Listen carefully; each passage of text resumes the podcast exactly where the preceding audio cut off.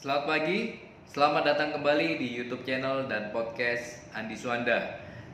Di video kali ini, saya akan menjawab beberapa pertanyaan dari subscriber. Jadi ini ada serial pertanyaan yang saya akan jawab di video kali ini. Tetapi saya sebelum mulai, saya sekali lagi meminta maaf kepada para subscriber yang sudah bertanya tetapi belum kunjung-kunjung dijawab oleh saya. Mengapa begitu? Karena setelah usai lebaran ternyata properti itu sedang ramai-ramainya. Tentu Anda bertanya, masa sih di masa pandemi itu properti ramai? Kenyataannya, terutama untuk properti yang menengah atas, itu turnovernya di tahun 2021 lebih tinggi daripada tahun 2020 ataupun tahun 2019 sebelum pandemi. Mengapa hal itu terjadi? Hal itu disebabkan harga yang ada di market itu mengalami penurunan yang cukup dalam, terutama di wilayah saya Surabaya dan juga di area Surabaya pusat. Nah, dengan harga yang terkoreksi cukup dalam, hal itu membuat banyak permintaan dan banyak transaksi yang terjadi di pasar properti. Terus kemudian instrumen lainnya seperti contoh deposito makin lama makin turun. Terus kemudian harga emas juga semakin tinggi. Dan juga beberapa investor yang saya kenal mereka masuk ke properti karena yang pertama ada ketakutan instrumen keuangan banyak mengalami gagal bayar. Terus kemudian ada ekspektasi bahwa di tahun 2022 starting 2023 harga properti akan mengalami inflasi yang cukup signifikan. Mengapa hal itu terjadi? Karena pemerintah hampir di seluruh dunia punya pengeluaran yang sangat besar untuk menangani masalah pandemi Covid ini. Yang artinya apa? Printing money. Dengan banyaknya printing money akan membuat inflasi. Dan inflasi itu salah satunya akan berimbas di properti. Maka dari itu, banyak orang-orang yang punya duit itu sudah mulai melarikan uangnya ke properti. Maka dari itu dengan hal ini yang terjadi sehingga akhirnya sekali lagi saya mohon maaf kepada para subscriber yang sudah bertanya sehingga saya agak kesulitan di dalam membagi waktu menjawab pertanyaan Anda. Maka dari itu di video kali ini saya akan menjawab sebisa mungkin pertanyaan Anda di video kali ini. Oke. Pertanyaan yang pertama. Ada yang bertanya kepada saya, Pak, bagaimana memasarkan properti melalui Facebook Marketplace? Nah, oke. Okay. Pertanyaan cukup menarik. Karena sebetulnya saya sendiri sih agak jarang memasarkan properti melalui Facebook Marketplace. Tetapi dengan adanya pertanyaan tersebut, saya mencoba mendalami pemasaran melalui Facebook Marketplace. Dan saya menemukan hal-hal tersebut. Memang Facebook Marketplace itu efektif untuk beberapa produk tetapi tidak efektif untuk produk yang lain. Jadi Facebook Marketplace ini bagus yang sifatnya itu lebih universal, lebih uh, sifatnya mungkin yang lebih murah, ya kan? Nah, Universal seperti apa? Contoh misalnya Anda jual sepeda motor, Anda jual mobil. Itu menurut saya Facebook Marketplace bisa Anda pakai. Karena kenapa? Karena yang namanya let's say Anda jual Toyota Avanza. Itu produk yang di mana sangat universal. Orang tahu ya kan modelnya bagaimana, mesinnya bagaimana, orang tahu. Sehingga akhirnya Anda jualan melalui Facebook Marketplace mobil tersebut, itu menurut saya akan ada respon. Terus kemudian misalnya Anda jual HP, uh, let's say uh, Samsung, let's say dengan tipe tipe apa. Nah, itu Anda pakai Facebook Marketplace, saya rasa it will works. Karena itu produk yang istilahnya Anda bisa temukan di Surabaya, Anda bisa temukan di Jakarta, Anda bisa temukan di mana pun. Jadi produk yang sifatnya universal, saya rasa Facebook Marketplace akan works. Nah, bagaimana dengan properti? Properti ini kalau saya bilang sifatnya itu localized. Artinya orang yang tinggal di Jakarta belum tentu berminat dengan properti yang ada di Surabaya. Dan juga untuk properti dengan segmen tertentu, let's say harga 10M, 20M, 5M, ya kan? Saya rasa nggak banyak yang memakai atau mencari properti tersebut di Facebook Marketplace. Untuk memasarkan produk-produk yang seperti ini, biasanya pembeli carinya di mana? Yang pertama, yang basic aja. Dari dia keliling daerahnya, daerah yang dia mau, dia ngelihat spanduk dia akan telepon atau dia sekarang akan melihat dari portal properti pencariannya. Dia mencari rumah di Surabaya Surabaya Barat Citraland mereka akan ngeklik di Google dan akhirnya akan muncul portal-portal properti atau uh, link ya link uh, portal atau sosial media yang ada di di dalam Google.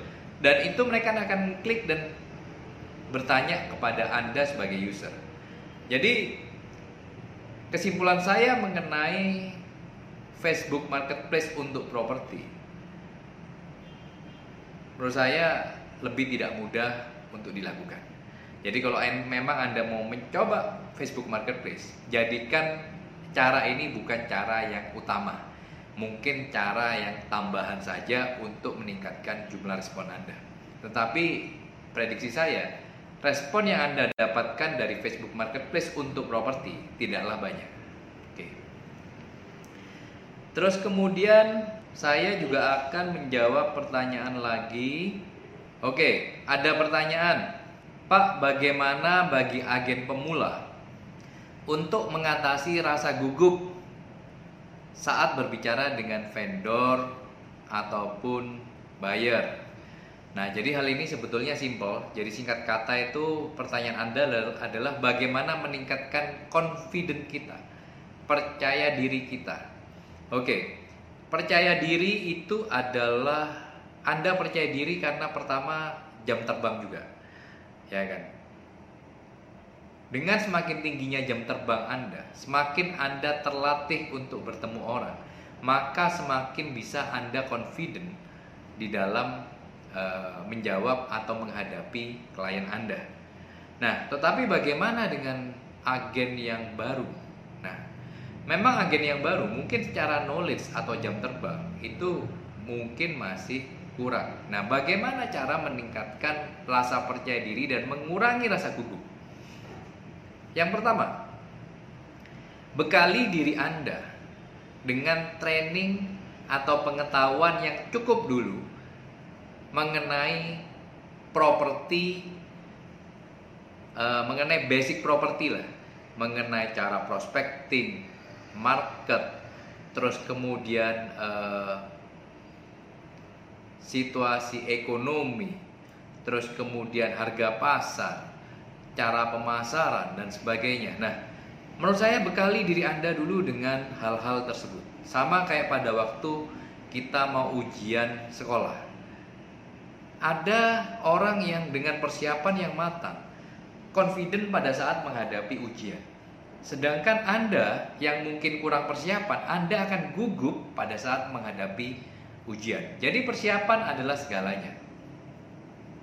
Bekali diri Anda dengan knowledge yang cukup sehingga pada waktu Anda bertemu dengan klien Anda dapat dengan tenang dan dengan PD untuk menjawab pertanyaan mereka. Terus kemudian Perhatikan juga dari cara Anda berpakaian. Semakin Anda terlihat profesional, semakin orang akan merespek Anda dan akhirnya membuat rasa percaya diri Anda timbul. Nah, terus kemudian bisa juga Anda melatih cara Anda berbicara dengan. Pada waktu berbicara dengan orang, usahakan tatap matanya. Jangan Anda menunduk ke bawah. Karena pada saat Anda berbicara menunduk ke bawah terus, itu akan membuat Anda semakin gugup dan semakin tidak percaya diri. Coba tatap dia seolah-olah Anda berbicara dengan teman Anda. Semudah itu sebetulnya. Dan latih diri Anda terus untuk berbicara di depan cermin. Dan bayangkan bahwa Anda adalah seorang yang hebat, agent properti yang sukses. Nah, itu akan membuat rasa gugup Anda sedikit demi sedikit bisa ditekan. Oke. Terus kemudian saya juga akan menjawab pertanyaan. Oke, ada juga pertanyaan yang bertanya kepada saya. Saya baru bergabung di agen properti kurang lebih dua minggu. Jadi baru dapat Oke, ada yang bertanya, Pak, saya sudah ter, uh, mau bergabung di properti, baru bergabung di properti. Dan kebetulan pada waktu awal saya bergabung di properti, ternyata saya sudah punya cicilan yang cukup besar menurut beliau.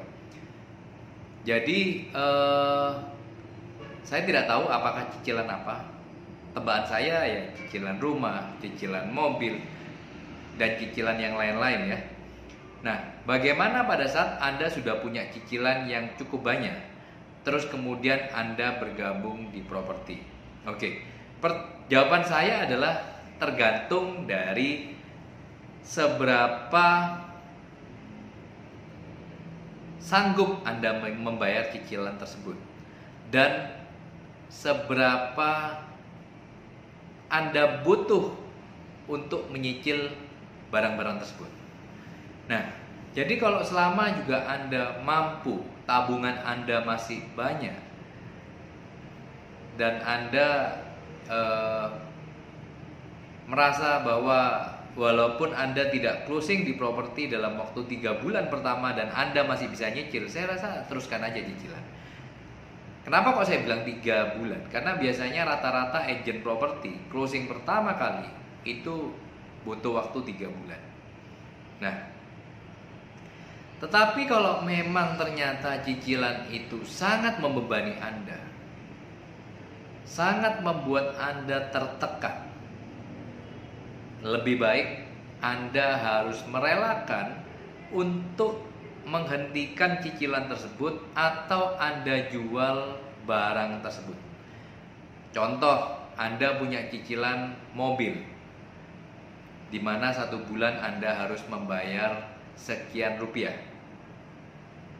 Saran saya kalau memang itu terlalu membebani Anda, lebih baik Anda jual mobil itu dan Anda dapat sekian rupiah kontan dari hasil penjualan itu belikan kendaraan yang lebih murah yang Anda bisa membelinya dengan kontan dan ini akan membantu Anda untuk konsentrasi menjalani bisnis properti. Karena segala sesuatu kalau bebannya terlalu berat akan membuat Anda tertekan dan akhirnya orang yang kerjanya betul-betul tertekan tidak akan perform secara maksimal. Nah, jadi jawaban saya tergantung dari kekuatan Anda sendiri. Jadi saya tidak bisa memberikan jawaban yang pasti kepada Anda. Anda yang bisa menganalisa sendiri. Kira-kira seperti itu. Oke, saya rasa itu pertanyaan yang ada dan saya belum jawab dan hari ini di video kali ini saya bisa menjawabnya. Jadi Silakan bagi Anda yang ingin menjawab uh, bertanya seputar properti, Anda bisa bertanya dan saya usahakan bisa menjawab pertanyaan Anda. Sekali lagi terima kasih dan sukses di hidup Anda. Thank you.